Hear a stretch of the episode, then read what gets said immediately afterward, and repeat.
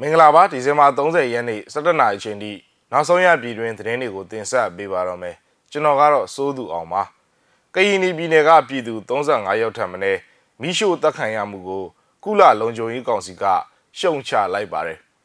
စစ်ကောင်စီလေတပ်ဝင်ခွင့်အတွက်ပညာအရေးရှင်သတ်မှတ်ချက်ကိုလျှော့ချလိုက်ပါတယ်မြန်မာနိုင်ငံမှာငြိမ်းချမ်းရေးဆွေးနွေးပွဲတွေလုပ်ဖို့ထိုင်းနိုင်ငံကတိုက်တွန်းလိုက်ပါတယ်နိုင်ငံတကာသတင်းတွေဘက်မှာတော့ဒေသတွင်းသတင်းစာတိုက်ကို ဟောင်ကောင်ရဲတပ်ဖွဲ့ကဝင်ရောက်စီးနင်းခဲ့ပါတယ်။ဒီအကြောင်းတွေပါဝင်တဲ့နောက်ဆုံးရပြည်တွင်းနဲ့နိုင်ငံတကာသတင်းတွေကိုတင်ဆက်ပေးပါတော့မယ်။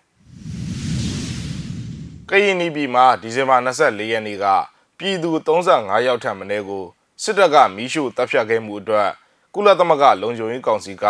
ကန့်ကွက်ရှုတ်ချကြောင်းကြေညာချက်ထုတ်ပြန်လိုက်ပါတယ်။အဲ့လိုမျိုးအပြစ်မဲ့ပြည်သူတွေကိုမီးရှို့တပ်ဖြတ်ခဲ့မှုအတွက်ကျူးလွန်သူတွေကိုအရေးယူဖို့လိုအပ်ကြောင်းကိုလည်း အဆိုပါကြေညာချက်မှာထောက်ပြထားပါတယ်။ဒါအပြင်မှာအကြမ်းဖက်တိုက်ခိုက်မှုအလုံးချက်ချင်းရက်စဲပြီးတော့လူအခွင့်အရေးကိုလေးစားလိုက်နာဖို့နဲ့အယက်သားပြည်သူတွေရဲ့လုံခြုံမှုရှိအောင်ဆောင်ရွက်ဖို့ကုလသမဂ္ဂလုံခြုံရေးကောင်စီအဖွဲ့ဝင်နိုင်ငံတွေကတောင်းဆိုလိုက်ပါတယ်။အခုအညီလိုအပ်နေတဲ့အယက်သားပြည်သူတွေအတွက်လူသားချင်းစာနာမှုအကူအညီတွေရရှိအောင်ဆောင်ရွက်ပေးဖို့လိုအပ်ပြီးစေဝါနဲ့တခြားအကူအညီတွေပေးဖို့ဆောင်ရွက်နေတဲ့ကျမ်းမာရေးလုပ်သားနဲ့ ကုညီကယ်ဆယ်ရေးဝန်ထမ်းတွေအတွက်လည်းလုံခြုံမှုရှိဖို့လိုအပ်တယ်လို့ထုတ်ပြန်ချက်မှာဖော်ပြထားပါတယ်ခင်ဗျ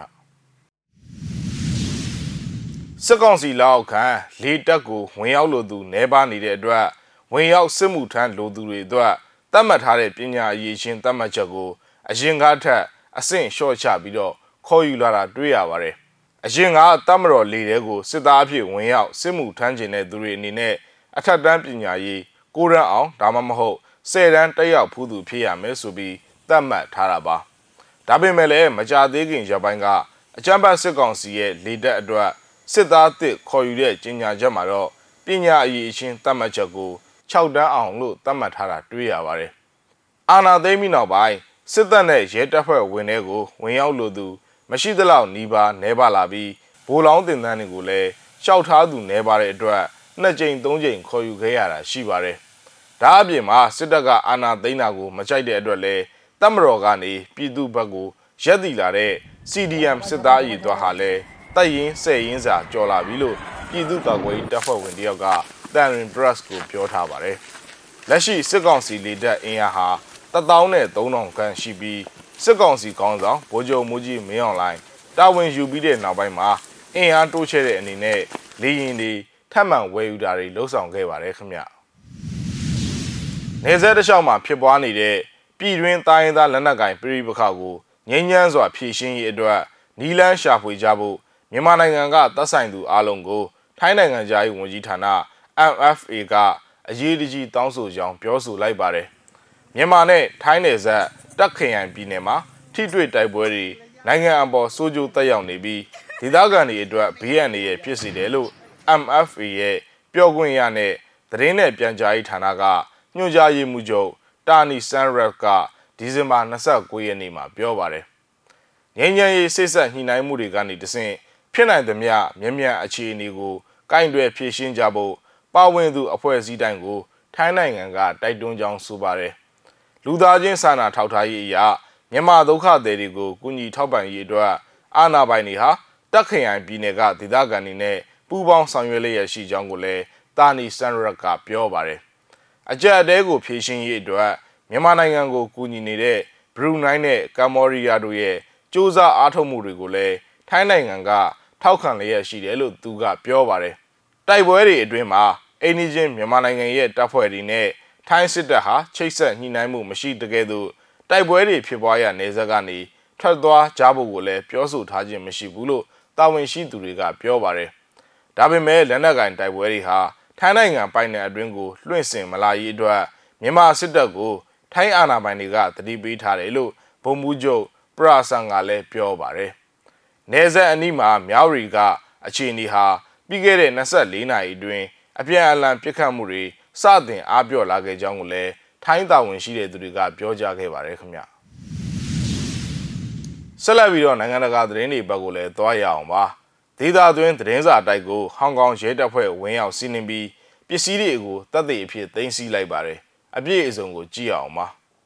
ဒေတာရင်းသတင်းမီဒီယာဖြစ်တဲ့ Stand News သတင်းစာတိုက်ကိုဟောင်ကောင်ရဲတပ်ဖွဲ့ကဒီနေ့ဒီဇင်ဘာလ29ရက်ဗုဒ္ဓနေ့မှာဝင်ရောက်စီးနှင်းကသွေးထိုးလှုံ့ဆော်သတင်းတွေဖြန့်ချီခဲ့တယ်ဆိုတဲ့ဆွဲချက်နဲ့တာဝန်ထမ်းဆောင်ဆဲဝန်ထမ်းနဲ့ဝန်ထမ်းဟောင်းစုစုပေါင်း6ဦးကိုဖမ်းဆီးခေါ်ဆောင်သွားခဲ့ပါတယ်။ရဲအင်အား200ကျော်ဟာတရားရုံးကထုတ်ပြန်တဲ့ရှာဖွေဝရမ်းနဲ့အတူ Stand News သတင်းစာတိုက်ကိုပိုက်စိတ်တိုက်ရှာဖွေပြီးဂျာနယ်ထုတ်ဝေရေးနဲ့သက်ဆိုင်တဲ့ပစ္စည်းတွေကိုတင်စီခဲ့တယ်လို့ရဲတပ်ဖွဲ့ကဆိုပါတယ်။ လွန်ခဲ့တဲ့နှစ်နှစ်ကကြီးမားအားကောင်းခဲ့တဲ့ဒီမိုကရေစီအရေးစန့်ကျင်ဆန္ဒပြမှုတွေစတင်ပြီးနောက်ပိုင်းဒေတာတွင်းသတင်းစာလုပ်ငန်းတွေအပေါ်ဖိနှိပ်မှုတွေလှုပ်ဆောင်လာခဲ့တယ်လို့နောက်ပိုင်းမှာအမျိုးသားလုံခြုံရေးဥပဒေကိုပါပြဋ္ဌာန်းခဲ့ပါတယ်။ Stand News သတင်းစာရဲ့လက်ရှိ editor ချုပ် Patrick Lam ကိုလက်ထိတ်ခလျက်အနေထားနဲ့ခေါ်ပြီးသတင်းစာရိုက်တဲ့ဝင်ရောက်ခဲ့တာကို AFP သတင်းတောက်ကမျက်မြင်တွေ့ရှိခဲ့ရတယ်လို့ဆိုပါတယ်။ အာယုံတက်ခါနီအချိန်မှာလက်ထောက် editor Romson Chan ရဲ့အိမ်အပြင်မှာအမျိုးသားလုံခြုံရေးရဲတပ်ဖွဲ့တွေရောက်နေကြောင်း Stand News က Facebook ပေါ် live လွှင့်ခဲ့ပါတယ်။အဆိုပါရုပ်သံထဲမှာလူထုကိုစူပူအောင်ကြွအောင်လှုံ့ဆော်တဲ့သတင်းတွေရေးသားဖြန့်ချီမှုအတွက်စုံစမ်းစစ်ဆေးဖို့ဝရမ်းပါလာကြောင်းရဲတပ်ဖွဲ့က Romson Chan နဲ့ပြောဆိုနေတာကိုတွေ့မြင်ရပါတယ်။ချမ်းရဲ့နေအိမ်ကိုရှာဖွေခဲ့ပေမဲ့အပန်းမခံခဲ့ရပါဘူး။ Stand News ဟာ Apple Daily Media ပြီးရင်ဟောင်ကောင်အာဏာပိုင်တွေပြစ်မှတ်ထားခဲ့တဲ့ ဒုတိယမြောက်မီဒီယာဖြစ်ပါတယ်။ Apple Daily ဟာအမျိုးသားလုံခြုံရေးဥပဒေနဲ့၎င်းရဲ့ပိုင်ဆိုင်မှုတွေကိုပိတ်ဆို့ခံရပြီးနောက်ပိုင်းဇွန်လကတိုက်ပိတ်လိုက်ရပါတယ်။ Stand News သတင်းစာတိုက်ရဲ့လက်ထောက် editor ချုပ်ချန်ပူကွမ်ကိုဖမ်းဆီးခဲ့တယ်လို့နေအိမ်ကိုလည်းရှာဖွေခဲ့တယ်လို့ဒေတာရဲမီဒီယာတခုကဆိုပါတယ်။ဒါ့အပြင်ဟောင်ကောင် pop ကျယ်ပွင့် Dennis Ho ဥပဒေအကြံပေး Margaret Nan, Christine Fan နဲ့6တက်ချီတို့အပါအဝင် ဗုတ်အဖွဲ့ဝင်တွေကိုလည်းဖမ်းဆီးခဲ့ကြောင်းဒေတာရင်းသတင်းတွေမှာဖော်ပြပါရှိခဲ့ကြောင်းသိရှိရပါတယ်။ဆက်လက်ပြီးတော့ဆန္ဒပြသတင်းတပုတ်ကိုလည်းတင်ဆက်ချင်ပါသေးတယ်။ရန်ကုန်လူထုတပိတ်စီကြောင်းကဥဆောင်ပြီးဒီဇင်ဘာ29ရက်နေ့မှာ Fight for Our Rights စသားပါ V9 ကိုကင်ဆောင်ခြိတက်ဆန္ဒပြခဲ့ကြပါတယ်။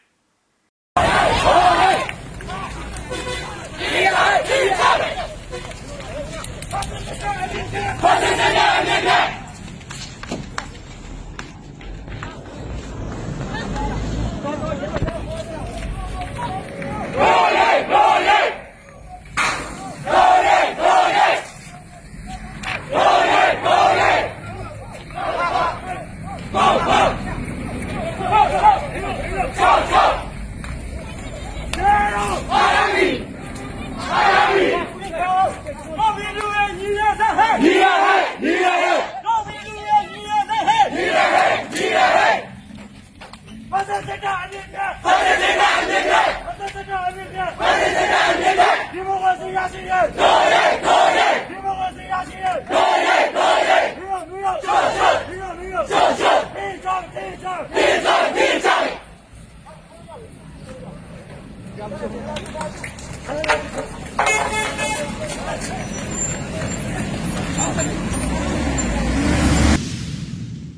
မြစည်းမသီပီရဲ့သတင်းအစီအစဉ်ကိုဒီမှာခဏရနာကြပါတယ်ကြည့်ရှုခဲ့ကြတဲ့မိဘပြည်သူတူးချင်းစီကိုကျေးဇူးအထူးပဲတင်ရှိပါတယ် ကျွန်တော်တို့သတင်းနဲ့အတူတူပြန်ဆောင်ကြပါဦးမယ်